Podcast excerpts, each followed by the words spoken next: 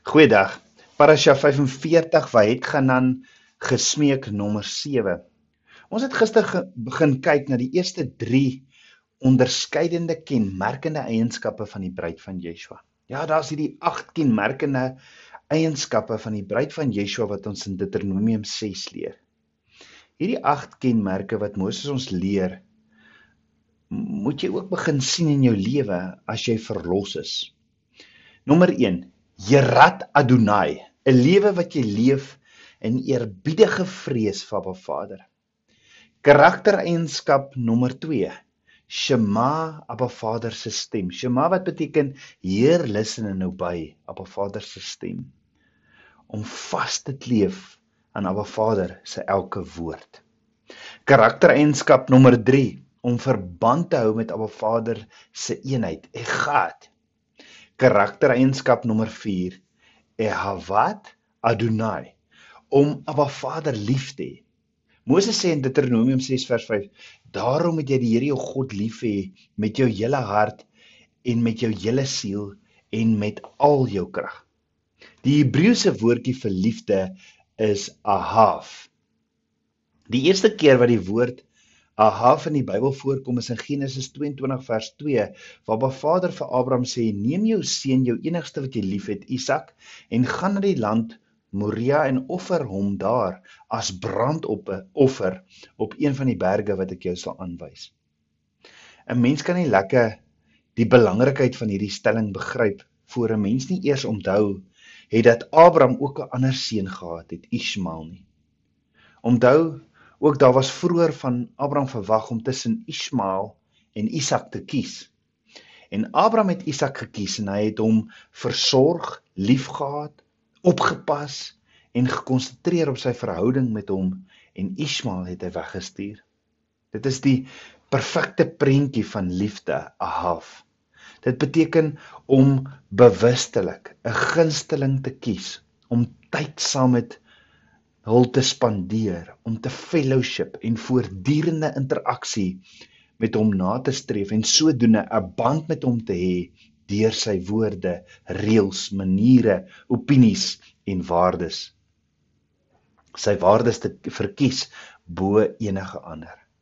Ahaf is dus anders as liefde soos ons dit ken. Wat bloot beteken om aangetrokke tot iemand te wees of om iets of iemand vir iets of iemand te voel. Ahav impliseer en is die resultaat van 'n keuse wat jy uit eie wil maak en nie uit 'n gevoel nie. Dit is 'n verbintenis tot die dood toe. Dis 'n keuse wat jy maak en jy sal nooit eers teruggaan daarop nie. Dit behels die prioritisering van 'n Vader bo alles anders. En daarom het Yeshua gesê dat daar geen groter liefde is as ons sy lewe vir sy vriende af te lê nie. Ware ahav is altyd 'n antwoord of 'n reaksie. Dit is die natuurlike reaksie wat ons moet hê op die liefde wat uitbundig deur Abba Vader oor ons uitgestort word. Hoe lief het Abba Vader ons? Ahav. Onvoorwaardelik, nê? Nee. Hy het so lief het God die wêreld gehad dat hy sy enige gebore seun gestuur het vir wie wat hom glo wat die ewige lewe kan hê. Karaktereienskap nommer 5 om 'n Vader se liefdesbrief te aanvaar en dit op ons harte te laat skryf. Deuteronomium 6 vers 6 sê en hierdie woorde wat ek jou vandag beveel moet in jou hart wees. Aangesien liefde vir Abba Vader behels dat ons sy weë, sy woorde en sy instruksies kies om te leef, moet ons sy liefdesbrief ontvang. Sy liefdesbrief soos 'n onskatbare skat behandel en met vreugde en entoesiasme bewaak. As ons Abba Vader liefhet, Ahav, is sy woorde kosbaar vir ons. Ons hang aan elkeen. Ons mediteer, ons bepeins oor dink dit dag en nag. Ons praat oor dit en ons leef dit. Ons plak sy woorde soos 'n seël op ons harte. Wat beteken dit? Dit beteken dat sy woord, sy instruksies ons filter word van alles wat ons hoor en sien. Ons is wakker vir enige valshede. Om op 'n Vader se instruksies, sy reëls en statutêre as 'n seël op ons harte te plak, beteken om sy goddelike bemagtigings en riglyne tot ons lewens toe te pas.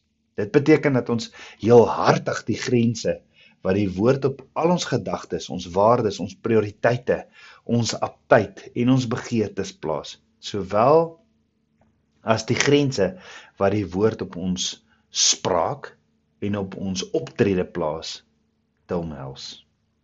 In teenstelling met Eva verwerp ons die vyand se stem wat sê dat ons ons besluite en keuses in die lewe moet neem op grond van wat goed lyk of aangenaam is vir ons vleeslike sintuie. Dan karaktereienskap nommer 6 om sy woorde te spreek. Ja Deuteronomium 6 vers 7 sê en jy moet dit vir jou kinders inskerp en daaroor spreek as jy in jou huis sit en as jy op jou pad is en as jy gaan lê en as jy opstaan. So jy moet Abba Vader se woord inskerp en daaroor spreek. Dit in Hebreëus is die woordjie dabarta bam. En wat beteken dit? Dit beteken dat waaroor ons moet praat is die lewensinstruksies wat Abba Vader vir Moses gegee het om ons te leer. Dit beteken dat ons gesprekke in ons huise, in ons kantore, by die werk, waar ook al gaan, gevul moet word met verwysings na en en en besprekings oor Abba Vader se instruksies en sy en sy reëls die bemagtiging van die bibarta bam beteken dat ons in staat gestel is om opdrag te gee, te verklaar, te bespreek en te vermaan. Ons moet praat en sê wat Abba, Abba Vader praat en sê. Jy sien gereelde verbal uh, lesering oor Abba Vader se woord is 'n groot deel van ons lewenstyl. Want uit die oorvloed van die hart is die mond veronderstel om te praat stilte of stil bly oor Abba Vader se woord is vir ons geen opsie nie. Elkeen van ons word spesifiek aangesê om die woorde van Abba Vader se woord, sy instruksies in vier spesifieke kontekste oor te vertel. Nommer 1.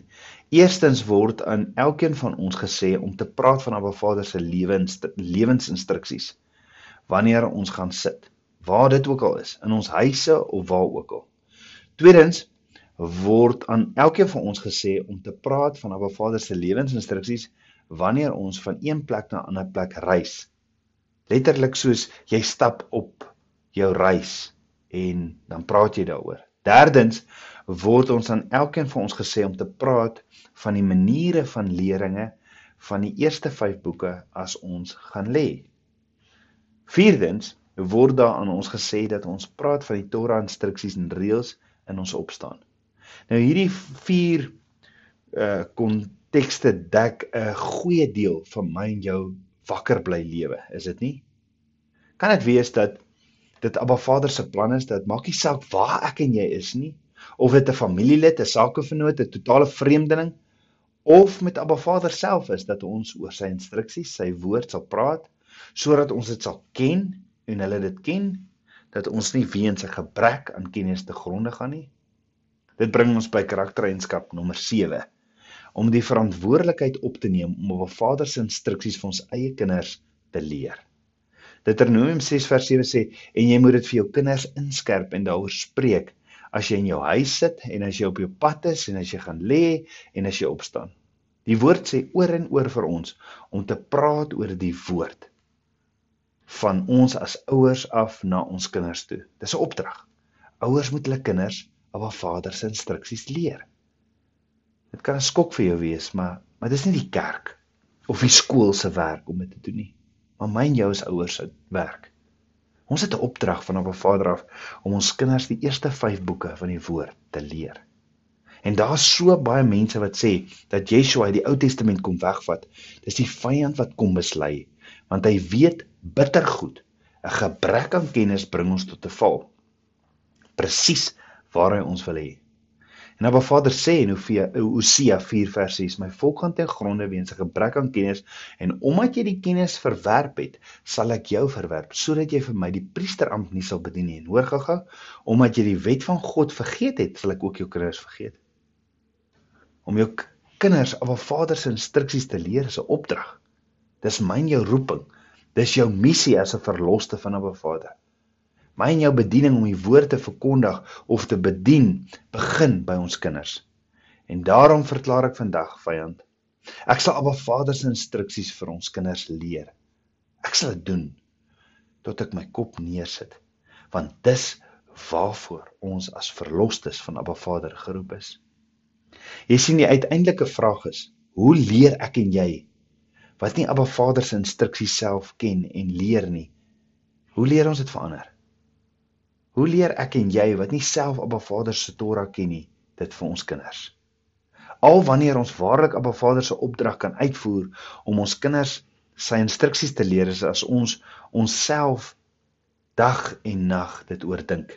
Elke oomblik van die dag, as ons sit, as ons staan of as ons gaan lê, as ons opstaan, sy woord te bepeins elke oomblik van die dag. En natuurlik die beste manier hoe ons ons kinders Abba Vader se instruksies leer is deur 'n voorbeeld te wees, deur dit te leef. 'n Ouer wie se hart onderdanig is aan Abba Vader en wie se lewe aan die Torah onderworpe is, leer die Torah 24/7/365 deur hoe hy moet leef, hoe hy kommunikeer, hoe hy sy lewe struktureer hoe hy met verskillende soorte mense omgaan, hoe hy die uitdagings van die lewe hanteer en hoe hy reageer op goeie en slegte omstandighede. Maar Vader se opdrag is dat ons ons kinders sy wette en instruksies sal leer deurdat ons kinders sien hoe ons dag en dag uit die woorde van Abba Vader voortdurend voor ons plaas, voor ons oë, op ons deure en poorte en ons hekke. Ons modelleer Abba Vader se wette vir ons kinders deur dit bo ander bo ander passies en belangstellings en stokperdjies in ons lewens te plaas. So Tabernakels kind van Abba. Is Abba se woord, is sy instruksies, sy wet belangriker as jou werk? Jou talente, jou beroep of as jou belangstellings?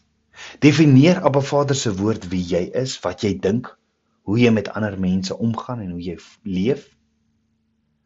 Aha, liefde van my Vader. Jy sien beteken dat jy elke dag sy woord leef ten volle vir almal om te sien in jou huis, by jou werksplek en in jou gemeenskap wat ook al die gevolge en ongeag die toes. Karaktereienskap nommer 8 om Abba Vader se wette oral te skryf vir almal om te sien waar ook al jy gaan. Elkeen van ons word ook versoek om die instruksie van die Torah, die eerste 5 boeke, sigbaar en leesbaar te maak vir almal wat ons ken om te sien. Ons moet dit grafeer, inskerf op die deurposte van ons huise en aan ons hekke. Daar's 'n letterlike en 'n fisieke aspek hiervan. En daarom versier ons ons wonings en werkareas met mezuzahs en soort en en soortgelyke dinge. Maar maar die letterlike en die fisieke in in kerf is slegs die opening of deurgang na die kern van die instruksies van Abba Vader wat wat Moses vir ons uitspel. Verder as om 'n mezuzah aan ons deure en poorte te sit, roep die instruksies van Abba Vader ons om volgens Abba Vader se instruksies te leef en te praat soos wat voetspore in die sand agterbly. So moet ons Abba Vader se woord los oral waar ons gaan. Ons oë moet byvoorbeeld na alles kyk wat woord opgeskryf is. Ons hande moet woord op alles skryf wat hulle aanraak. Ons lippe moet Torah spreek soos die deurposte en poorte van elke gesprek waarmee ons besig is. Die missie opdrag is om seker te maak dat die poorte van ons stede, dit wil sê al die plekke en situasies waarin ons met bure sowel as vreemdelinge omgaan en sake doen met Abba Vader se woord ingegrafieer is. Dis ons missie. Dis ons opdrag as die bruid van Yeshua, as die verlosters van Abba Vader. Dis Abba Vader se opdrag. En die vraag is, het jy Abba Vader so lief dat jy dit sal shema? Kom ons bid saam. Aba Vader, dankie vir u woord. Dankie Vader vir u goedheid en u krag. Vader, ek wil u woord Shema in my opstaan, in my lê. Vader, oral waar ek beweeg, wil ek u woorde spreek. Meer is my eie woorde. Leer my om my kinders te leer en mag ons vasleef net in u waarheid en u woord. Vader, Mag ons vandag op u voete klim. Mag ons saam met u dans. Lei ons en dans met ons. Dankie Vader. Ek spreek vandag u seën uit oor elkeen van die kinders. Varecha Adonai Vishmarecha. Ja er Adonai panavilecha vichuneka. Yesa Adonai panavilecha viasem lecha shalom. Aba Vader sê jou seën en jou behoed. Aba Vader sal sy aangesig oor jou laat skyn en hy gaan jou genadig wees. Ja, Aba Vader sal sy aangesig oor jou verhef en hy sal vir jou vrede gee. Vrede gee. Ek bid dit alles in Yeshua, Messie se naam, die seun van Jahweh. Amen. Shalom.